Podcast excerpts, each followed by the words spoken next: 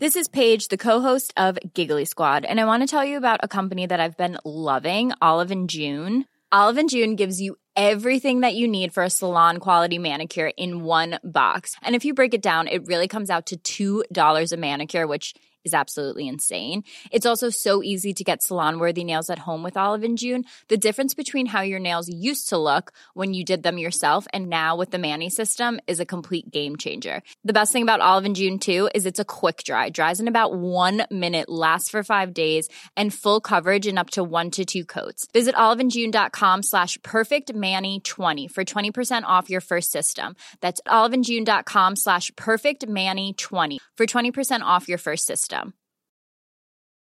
Planning for your next trip? Elevate your travel style with Quince. Quince has all the jet setting essentials you'll want for your next getaway, like European linen, premium luggage options, buttery soft Italian leather bags, and so much more. And is all priced at 50 to 80% less than similar brands.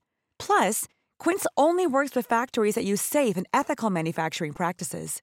Pack your bags with high-quality essentials you'll be wearing for vacations to come with Quince. Go to quince.com slash pack for free shipping and 365-day returns. Burrow's furniture is built for the way you live. From ensuring easy assembly and disassembly to honoring highly requested new colors for their award-winning seating, they always have their customers in mind. Their modular seating is made out of durable materials to last and grow with you. And with Burrow, you always get fast, free shipping. Get up to 60% off during Burrow's Memorial Day sale at burrow.com slash ACAST. That's burrow.com slash ACAST. burrow.com slash ACAST. My brain is evil. It like attacks me. It's like a bully.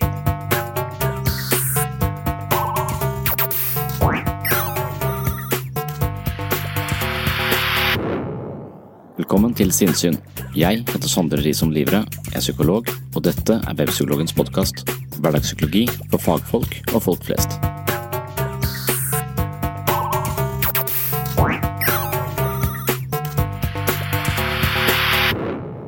I episoden som heter Hjernehalvdelenes psykologi er på sinnssyn, og i episoden som heter Venstre og høyre hjernehalvdel på sinnssyn sin Patron-side, snakker jeg om ulike avdelinger i hjernen og hva de jobber med. Hjernen er en utrolig anordning med vanvittig kapasitet. Den utgjør omtrent 2% av kroppsvekta vår, men bruker over 20% av energien. Det er fordi dette er setet for alle våre opplevelser og bevegelser. Det er også mange som mener at hjernen har skjulte kapasiteter som undergraves av måten vi lever og tenker på. Og kanskje er det slik at det flere av de litt avantgarde spirituelle retningene på vår tids åndelige koldtbord tilstreber å åpne for mer innsikt i hjernens skjulte kapasiteter. Hvis vi har mer spirituelle egenskaper og mystiske kapasiteter, så er det sannsynlig at disse holder hus i høyre del av hjernen. Dette er et uhyre spennende tema, og jeg har derfor valgt å lage nok en episode om forholdet mellom den høyre og den venstre delen av hjernen vår. Velkommen til en halvspirituell og nevropsykologisk episode av Sinnsyn. You gotta treat your brain like a dog you just got. You gotta, it's so stupid. The brain, Yeah. the mind is infinite in wisdom. The brain is a stupid little dog that is easily trained. Do not confuse the mind with the brain. The brain is so easy to master. You just have to confine it. You confine it. Yeah. And it's done through repetition and systemization.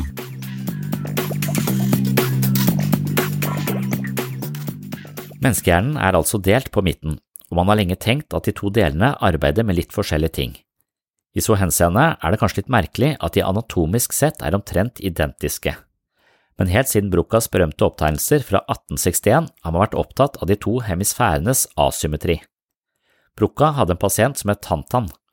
Vedkommende hadde mista taleevnen etter et slag, og det viste seg at skaden var lokalisert i venstre hjerneregion, primært i den nederste, bakerste delen av frontallappen, også nå kjent som Brucas område.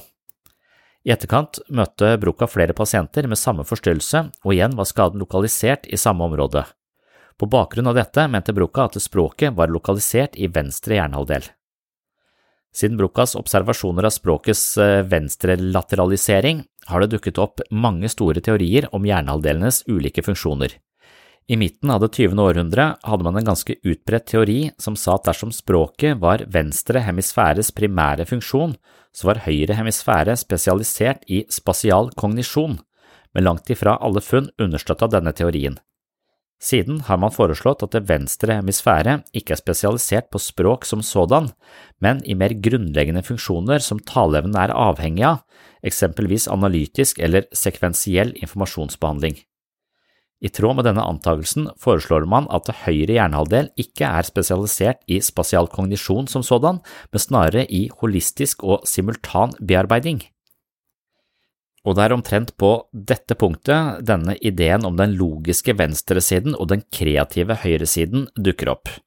Så i kjølvannet av dette her har man da tenkt at høyre hjernehalvdel er kilden til kreativitet, kunst, intuisjon og holistiske ideer og opplevelser av verdens beskaffenhet, mens venstredelen er rasjonell og logisk tenkende. I en mer folkelig variant oppsto det en teori på at mennesker i altfor stor grad kun bruker den ene hjernehalvdelen, og da gjerne den venstre hemisfæren. Resultatet var at mennesker ble logisk og analytisk orientert, regelstyrt og lite kreativt.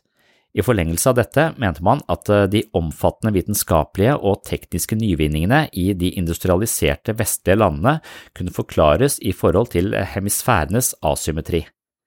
Neste argument var at Vesten hadde låst seg fast i venstre side og mistet sin åndelighet eller kreative appetitt på livet. Man forsto den teknologiserte verden som kald og strømlinjeformet, i motsetning til åndelige og mystiske tradisjoner fra Østens religioner. I dag er det få fagfolk som hevder en slik forståelse av forholdet mellom de to hjernehalvdelene. På 60- og 70-tallet var det imidlertid en slags kunstnerisk forherligelse av den høyre hjernehalvdelen. Einstein ble blant annet et symbol på et geni som hentet mye av sine nærmest uforklarlige spekulasjoner for en evne til å tenke mer holistisk og større.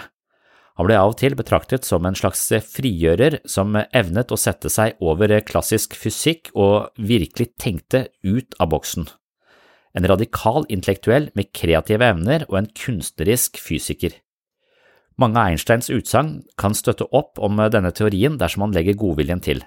Blant annet forteller Einstein at alle hans opplevelser først kom til ham som eh, fornemmelser eller bilder, og da refererer han også til den mer intuitive eller kreative hjernehalvdelen. Einstein har faktisk uttalt at eh, mange av de eh, finere og mer høyverdige spekulasjonene innenfor vitenskapens domene springer ut av en slags dyp religiøs følelse, som han kaller det. Dermed har vi en oppdeling av eh, hjernen hvor den ene siden er logisk resonnerende, enkel og litt kjedelig kanskje, og en hjernehalvdel som er holistisk, mystisk og nesten guddommelig spennende. Og Da er det litt interessant hvilke funksjoner hører til i hvilke hjernehalvdeler, og her kommer en liten eh, liste over eh, det man typisk tilskriver de to hjernehalvdelene. Så den venstre hemisfæren, den antar man er verbal, symbolsk, logisk, detaljorientert, faktastyrt, den handler om nåtid og datid, matematikk og vitenskap, kunnskap, orden og mønster, definisjoner, virkelighetsorientert, strategisk, praktisk og opptatt av trygghet. Og den andre hjernehalvdelen, altså den høyre hjernehalvdelen, som man eh, kanskje tenker er litt mer underordna den eh, venstre hjernehalvdelen, og denne høyre hemisfæren den assosieres med stikkord som nonverbal eller perseptuell, visospasial, perseptuell eller syntetisk, holistisk, det handler om visuelle bilder, den er følelsesorientert, full av fantasi, den er opptatt av filosofi og religion, mystisk, eh, mystisisme, mening, tro, intuisjon, impulsivitet og risiko. Som kjent er den venstre hjernehalvdelen knytta opp mot eh, høyre siden av kroppen og motsatt. Siden de fleste mennesker er høyrehendte, har man antatt at det venstre hemisfære er dominant. Det understøtter ideen om at mennesket på sett og vis er fanget av et eh, litt rigid og lukket vitenskapelig syn på verden, hvorpå de mer intuitive og magiske sidene ved livet og mennesket blir underminert eller avvist. På bakgrunn av dette har man også tenkt at venstrehendte mennesker Venstre hånd mot høyre hjernehalvdel altså, er mer kreative enn høyrehendte. Hemisfæreasymmetrien var også interessant for psykoanalytikere. Mange freudianere og andre psykodynamikere har hengt seg på en antakelse som skriver seg fra en artikkel av David Gallin publisert i 1974. Gallin hevder at det venstre hemisfære, den verbale, analytiske og logiske siden, representerer det bevisste og sekundærprosesstenkning i Freuds teori. Tilsvarende hevder han at det høyre hemisfære, den intuitive og holistiske siden, er senteret for det ubevisste. Psykoanalysen har kommet opp med mange metaforer og analogier for å understøtte denne teorien, men dessverre bygger den på en litt unyansert generalisering av hemisfærenes karakteristika. De kreative psykoanalytikerne argumenterte ganske enkelt for at det høyre hemisfære er nonverbal og ulogisk, noe som svarer til ideen om det ubevisste. I venstre side forholder det seg motsatt, noe som korresponderer med ideen om det bevisste. Psykoterapi eller samtaleterapi passet også godt inn i denne forståelsesrammen. Poenget var her å benytte seg av språket for å skape en bro mellom det bevisste og det ubevisste. På sett og vis handlet terapi i så henseende om å ta med seg språklige verktøy på en reise fra venstre til høyre hemisfære. Man måtte rett og slett over i det ubevisste og beskrive det som foregikk på denne siden. Så snart man fikk tvunget det ubevisste inn i en språkdrakt, kunne man forstå denne siden bedre og dermed avkode mye av de emosjonelle og ubevisste impulsene som skjulte seg i høyre hemisfære. Det er ingen tvil om at språket er svært avgjørende i forhold til terapi og innsikt generelt sett, men om denne terapeutiske reisen fra venstre til høyre hjernehalvdel er et dekkende eller tilfredsstillende bilde på hvordan dette fungerer, er ganske tvilsomt. For å slippe inn i psykens esoteriske kammer, altså åpne porten til høyre hjernehalvdel, er det også enkelte avantgarde teoretikere som mener at det psykedeliske stoffer åpner hjernen på en måte som utvider vår sedvanlige og sneversynte bevissthet. Det er snakk om en slags kosmisk bevissthetsmodus hvor livet plutselig åpenbarer seg i all sin dybde. Tanken er at vi fungerer i en slags åndsfraværende livsførsel som sosiale marionetter når vi bruker den litt regelrytterske og logiske delen av hjernen, hvorpå porten inn til den høyre hemisfæren rett og slett representerer en hemmelig vei inn til åndelighet, innsikt og opphøyelse.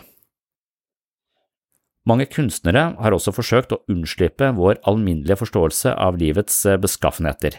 De vil skape noe nytt som ligger utenfor vår rasjonalitet og fatteevne. I noen kunstneriske miljøer er nettopp eh, psykosen glorifisert som en tilstand av innsikt som overgår logikken og rasjonalitetens skylapper. Igjen handler det om å dra veksel på en opplevelsesmodus som ligger utenfor vår fellesmenneskelige tankegang, og denne fellesmenneskelige tankegangen den er da i denne konteksten forankra i venstre hemisfære. Man vil simpelthen over i den eh, høyre, altså den holistiske og kunstneriske delen av sin egen syke, og når dette eventuelt ender i psykose fordi man mister kontakten til eh, det verbale og det analytiske, hender det at disse menneskene som da, da strever etter dette denne reisen ut i det holistiske blir lidende på en måte som de ikke hadde forestilt seg på forhånd, at de rett og slett blir havner i psykose uten noe mulighet for å komme seg tilbake i en mer fellesmenneskelig forståelsesramme. I Freuds forståelse av psykosen er også dette forbundet med en slags eh, fri flyt av ulogisk tankespinn forbundet med impulser direkte fra ubevissthetens kaotiske dybder. Siden man assosierer det ulogiske med det ubevisste og det ubevisste med høyre hemisfære, har schizofreni og psykose i noen sammenhenger blitt utsatt for romantisering og beundring. Den psykotiske pasienten hadde sluppet ut av samfunnets lenker og åpnet seg for andre typer opplevelser forankret i høyre hemisfære eller det ubevisste. Slike antagelser ender ofte med å underminere den forferdelige smerten mennesker med psykose og schizofreni opplever. Det er også noen som eh, har snakket om venstre og høyre hemisfære, eller det man kaller lateralisering, i forhold til hjernebølger og meditasjon. Noen har da spekulert på hvorvidt meditasjon og ulike mentalt disiplinerende teknikker fra Østen kunne være en inngangsport til den høyre hemisfæren. Tanken er at man gjennom meditasjon demper bølgefrekvensen i hjernen slik at den eh, kommer under terskelverdien for vår våkne bevissthet. Grovt sett opererer hjernen på fire ulike frekvenser. Først er det betabølger som hører til vår vanlige bevissthet. Dette kan vi kanskje forstå som vår normale modus i møte med hverdagslivets mas. Alfabølger hører til en mer avslappet og samtidig mer konsentrert tilstand. Noen kaller det en slags læringsmodus. Det går for eksempel alfabølger gjennom hjernen din når du leser en interessant bok. Men etter det så kommer noe som kalles for tetabølger. Dette er en lavere frekvens som blant annet forekommer i drøm. Tetabølger forbindes angivelig også med kreativitet, utvidelse av hukommelse og det som noen avantgarde teoretikere og mystikere kaller superintegrerte opplevelser. Superintegrerte opplevelser er en utvidet måte å se seg selv og verden på. Det er her de store ideene plutselig kan dukke opp i en mellomtilstand mellom søvn og våken tilstand. Men det stopper ikke helt her. Det finnes også noen bølger som opererer på enda lavere frekvenser. De kalles deltabølger. Når vi kommer ned på dette nivået, kan vi få til en slags eh, harmonisk balanse mellom høyre og venstre hjernehalvdel. Dette blir av og til kalt for helhetlig hjernefungering. Kanskje kan man betrakte det som en opplevelsesmodus i stereo. Mange meditasjonsteknikker er på sett og vis øvelser i å senke frekvensen på hjernebølger ned i mer konsentrerte tilstander eller andre bevissthetsmoduser og noen forfekter altså at man i de dypere nivåene av bevissthet finner en større åpenhet og passasje mellom venstre og høyre hemisfære, og at denne tilstanden er kilden til nettopp en helt ny nirvana-aktig opplevelsesmodus. En av Freuds eh, mest eksentriske og kanskje lovende elever, Carl Gustav Jung, var eh, veldig opptatt av det orientalske åndelige og det ubevisste. Jung ble kalt både alkymist og mystiker, og hans teorier var både kreative, forbløffende og berikende for dem som tålte litt avantgarde ideer om menneskets indre landskap. Mindre kjent er det kanskje at han i flere tiår var veldig opptatt av Østens eh, tankegods knytta til yoga og zen, og også den eh, tibetanske dødsboka. Det er ikke uten grunn at han er blitt kalt en eh, østerlandsk sjel i en vesterlandsk kultur. Dette kommer blant annet frem i boken han kalte Østen og det ubevisste. Igjen kan man også trekke tråden til Freud. Tetabølger forbindes med søvn og drøm, og Freud påpekte nettopp at kongeveien til det ubevisste, altså her til den høyre hemisfære, var gjennom drømmen. Dette er et av hans hovedpoeng i boka om drømmetydning. Mom deserves the best, and there's no better place to shop for Mother's Day than Whole Foods Market. They're your destination for unbeatable savings, from premium gifts to show-stopping flowers and irresistible desserts. Start by saving 33% with Prime on all body care and candles. Then get a 15-stem bunch of tulips for just $9.99 each with Prime. Round out Mom's menu with festive rosé, irresistible berry chantilly cake, and more special treats. Come celebrate Mother's Day at Whole Foods Market. Normally, being a little extra can be a bit much, but when it comes to healthcare, it pays to be extra. And United Healthcare makes it easy with Health Protector Guard fixed indemnity insurance plans. Underwritten by Golden Rule Insurance Company, they supplement your primary plan, helping you manage out of pocket costs without the usual requirements and restrictions like deductibles and enrollment periods. So when it comes to covering your medical bills, you can feel good about being a little extra. Visit uh1.com to find the Health Protector Guard plan for you.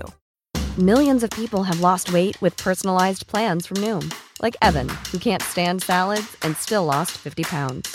Salads, generally, for most people, are the easy button, right? For me, that wasn't an option. I never really was a salad guy. That's just not who I am. But Noom worked for me. Get your personalized plan today at Noom.com. Real Noom user compensated to provide their story. In four weeks, the typical Noom user can expect to lose one to two pounds per week. Individual results may vary. Mange av teoriene jeg har nevnt her, er spennende og eksistensielt sett eh, både interessante og utfordrende, men nevrobiologi har, ja kanskje dessverre, avkrefta mange av de mer populistiske spekulasjonene. Selv om hjernen anatomisk sett er todelt, betyr det ikke at den ene delen inneholder en skattkiste av underlige opplevelser og åndelige åpenbaringer. Solms og Turnbull skrev en bok i 2004, og der skriver de om hjernen og den indre verden. Det er for øvrig verdt å lese denne boka for alle som vil ha en eh, forståelig innføring i hjernens uh, uransakelige univers, og her står det. Reelt er den funksjonelle distinksjon mellom hemisfærene multifaktuell. Hemisfærene er forskjellige på mange måter, hvorav noen er innbyrdes avhengig, andre ikke. De legger til at nesten alle mentale funksjoner, ut fra en eh, psykologisk klassifisering bebor funksjonelle bidrag fra begge cerebrale hemisfærer.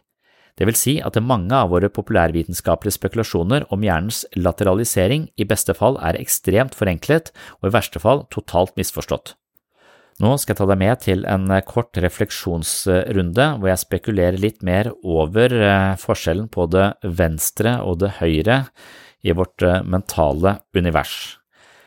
Kanskje er det sånn at denne venstre, verbale, logisk-analytiske delen, som kode for språk og forståelse, lager kategorier og forståelser på våre opplevelser som ikke nødvendigvis reflekterer virkeligheten på en god måte kan det hende at alle de tankene og følelsene og ideene vi har om hvem vi er som mennesker, hører til i denne venstre siden, og hvis vi har da litt rigide og negative oppfattelser av oss selv, så blir vi låst fast til disse språklige definisjonene på en måte som drenerer livet for livskvalitet.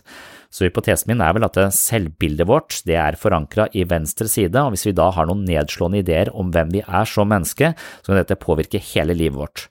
Og da kan det hende at vi er tjent med å gi denne høyre delen av hjernen vår litt mer eh, tyngde, ettersom vi da kan oppleve verden litt mer direkte uten en sånn kritisk stemme som hele tiden skal forklare alle opplevelsene våre på en litt sånn dyster måte.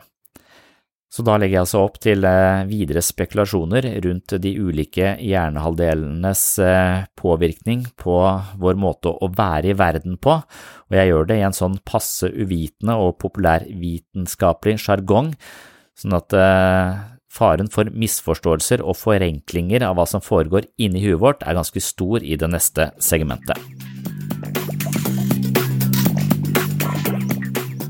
Jeg har eksempel, eh, jeg drikker kun alkohol i helgene i veldig små, moderate mengder. For det har jeg bestemt meg for. Eh, jeg syns det er en uting å drikke hele, hele uka. Eh, men, men, det er liksom Hvis du da tar en øl på en mandag, så er det som om det spiller ingen rolle. Men det, jeg betaler jeg, Da kan jeg jo ikke Jeg har jo bestemt meg for noe. Og hvis jeg går vekk ifra det, så er jeg utro mot meg selv og min egen eh, bedreviten og bestemmelsesrett. da. Så, så, så, det kan virke ubetydelig. Det er altså alle disse små uh, unndragelsene fra regelen som vi, som vi, tillater oss selv, de mener de kanskje vil uh, langsomt korrumpere selvfølelsen vår hvis det skjer veldig ofte. Uh, så, så, det å stå ved prinsippene sine over en viss tid før du begynner å freestyle, det kan kanskje hende at du får en slags god plattform da, av selvfølelse, for du veit at jeg er en person som jeg kan stole på. Det vil også gi deg trygghet i møte med livet. ikke sant? For pluss, Det er mange mennesker som ikke klarer å si nei, og når de da møter mennesker som ber dem om noe, så tenker de det passer jo jævla dårlig, for jeg skal egentlig på ferie. Da får jeg avlyse ferien, da, og så får jeg hjelpe deg å rake i hagen isteden. Altså, da må du bare liste deg ut og håpe du ikke møter noen som ber deg rake i hagen, for da må du avlyse ferien. Da, det er, det er, da blir du et jækla usikkert prosjekt. Eh, så det å vite at jeg står for de tingene jeg har planlagt, og jeg eh, bestemmer en viss grad av forutsigbarhet i mitt liv, og jeg veit hvem jeg er i dag fordi den ligner den jeg var i går, og det er planen å være også ganske forutsigbar også i, fremtiden. Det tror jeg gir oss, eh, gir oss, et slags sammenhengende narrativ som er godt å ha i, i livet vårt. Da. Og det er det narrativet mange mennesker har, men så er det ræva. Så det er trygt. Jeg er udugelig, Folk kommer til å behandle meg dårlig. Det fortjener jeg. Ja, det er akkurat det som skjer. Det er trygt og grått, det er forutsigbart. Eh, men det er eh, ikke eh, nødvendigvis det beste narrativet tilgjengelig. Og når vi har et sånt narrativ, så kan det være at du må begynne å lage en ny fortelling om, om hvem du er. Og det er disse fortellingene som hører til i den venstre hjernehalvdelen. ikke sant? Det, er et sånn jævla kommentatorspor som tolker alt du gjør inn i en eller annen sånn sammenhengende eh, narrativ som gir oss en følelse av at vi har et selv, men det er egentlig en illusjon. Det er bare en, en adhoc eh, forklaring på hva som foregår der og da av en eh, ganske stusslig inkompetent venstre hjernehalvdel som tror han vet eh, alt. Hm. Ja, du, du vil kanskje ha evne til å være mer umiddelbart til stede, mer sånn i en sånn type flytaktig tilværelse hvor, du, hvor den opplevelsen vil gi deg gode erfaringer. Men så, så, vil noen tolke det som mangel på kontroll, og, og så vil kanskje den venstre hjernehalvdelen for all del ikke havne i en sånn der eh, på måfå, livslyst tilstedeværelse, for da vet de ikke helt hva som skjer. Så, så den venstre hjernehalvdelen kommer inn og forkludrer det med en eller annen forklaring på at det, ja, så, så, den trekker deg tilbake til, til, analysen. Hvis analysen er nedslående, så er det skikkelig vanskelig å leve. Men så er det også i den venstre hjernehalvdelen vi opererer når, når han, Maxwell Maltz, som det er snakk om i, i, podkasten, snakker om at vi har At dette selvbildet vårt er ingen fast størrelse, som også eh, hører til her. Altså, vi har ikke nødvendigvis et selv. Selvet er en mental konstruksjon som vi tror på, men den er ikke noe i seg selv. Eh, men, men den eh, bestemmer livet vårt likevel. Da. Så, eh, så idet du forstår at eh, fortellerstemmen, selvbildet ditt, er en mental konstruksjon, så kan du bli IT-operatør på deg sjøl, for du kan komme inn med noen nye eh, vurderinger, noen andre algoritmer, så du har liksom muligheten til å, eh, til å gå vekk ifra de, de, den måten å tenke om deg selv på som, eh, som tar deg inn i blindspor hele tida. Det er jo liksom å, det er å, det er å spille på, på den mekaniske siden og spille på venstre den analytiske, men prøve å justere den, da. Eh, og, og hvis du har sånn, et narrativt selv som som kanskje også er flinkere til å forklare dine opplevelser, så blir du kanskje et mer helt menneske.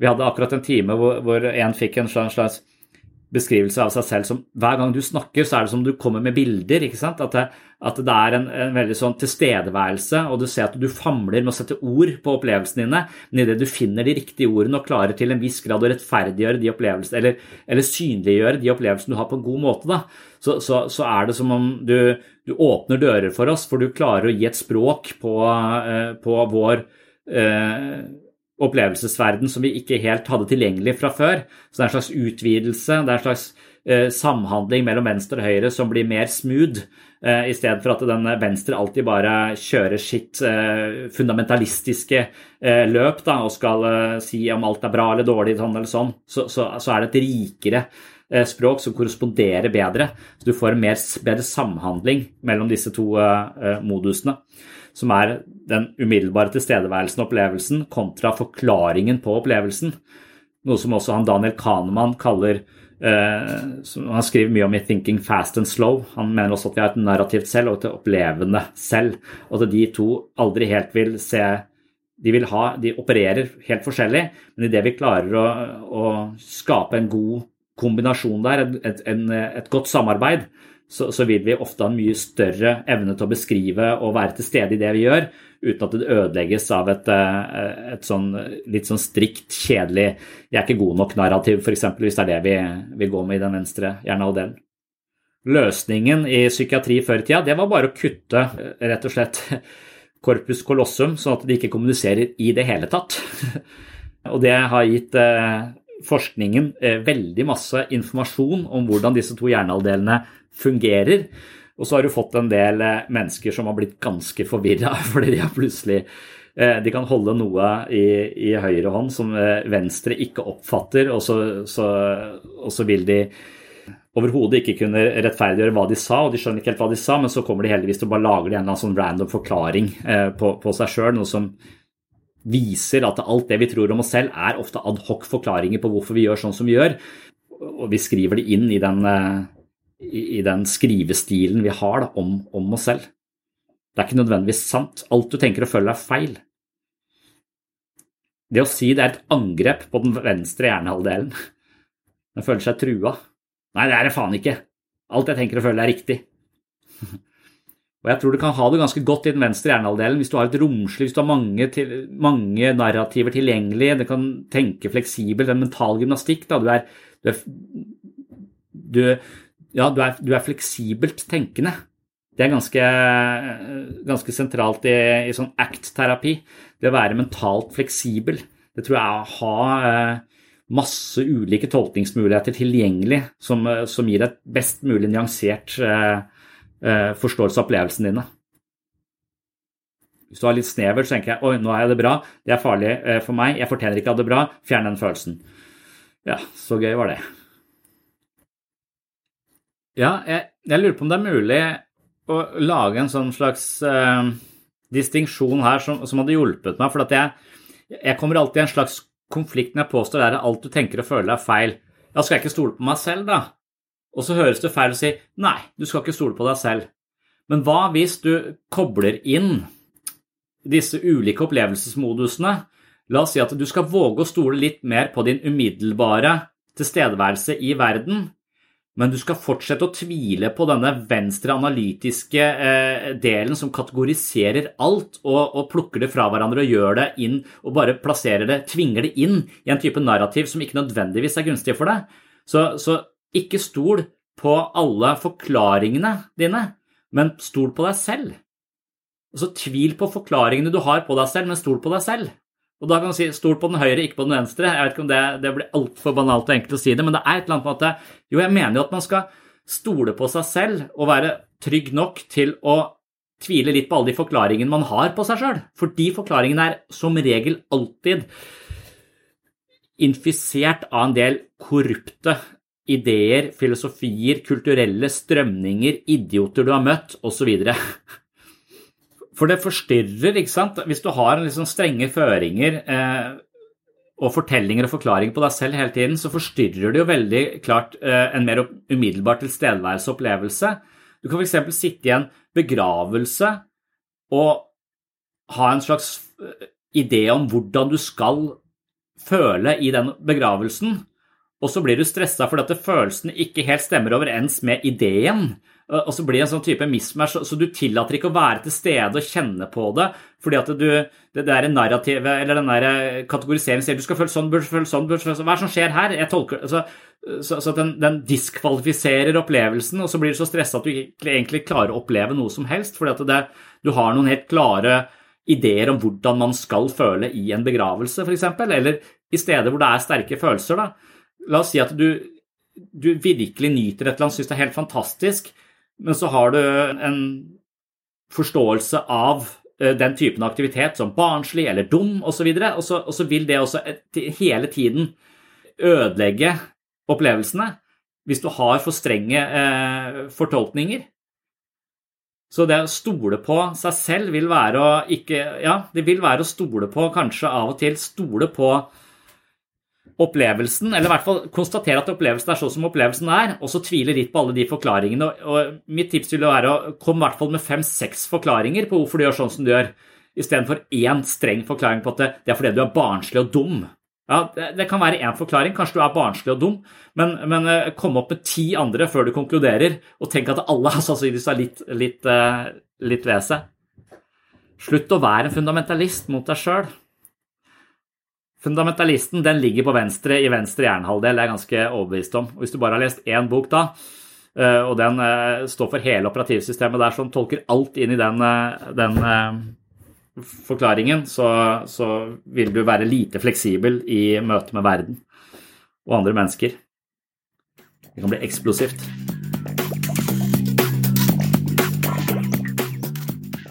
Tusen takk for at du hører på Sinnsyn. Det siste segmentet, altså den eh, frie fabuleringen i denne episoden, var kun et kort utdrag fra en lengre refleksjonsrunde omkring hjernehalvdeler og deres innvirkning på hvordan vi tenker, føler og handler. Venstre hjernehalvdel er altså logisk og analytisk, mens høyre er mer kreativ og intuitiv. Kan nevropsykologisk innsikt fungere selvutviklende? Det er et spørsmål jeg er interessert i, og nettopp det er det jeg reflekterer videre over i episode 42 på Patron. Episoden heter rett og slett Venstre og høyre hjernehalvdel og inneholder hele foredraget du kun fikk en smakebit av her. I tillegg finner du over 100 andre poster fra denne podkasten inne på Patron.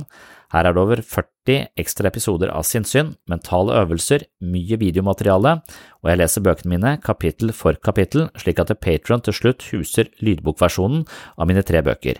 Hvis du finner verdi her på sinnssyn, vil ha mer sinnssyn hver måned og har lyst til å støtte prosjektet, slik at jeg kan holde hjula i gang her på podkasten, er et abonnement på Patron av stor betydning for dette prosjektet. Du kan selv velge beløp per måned, og beløpet vil altså gi deg et medlemskap på mitt såkalte mentale treningsstudio. Jeg vil også nevne at et slikt eh, abonnement kan avsluttes når som helst med et par tastetrykk. Jeg vil også benytte anledningen til å takke alle dere som allerede er Patron-supportere. Det er lyttere som dere som sørger for at lyset er på her inne på sinnssyn, uke etter uke, måned etter måned, år etter år. Det er kostnadskrevende og tidkrevende å drive denne podkasten, men som jeg har sagt tusen ganger, så elsker jeg å drive med det, og med støtte fra Patron-lyttere kan jeg prioritere sinnssyn hver eneste uke, så tusen hjertelig takk for det. Det var det for denne gang, på gjenhør i neste episode.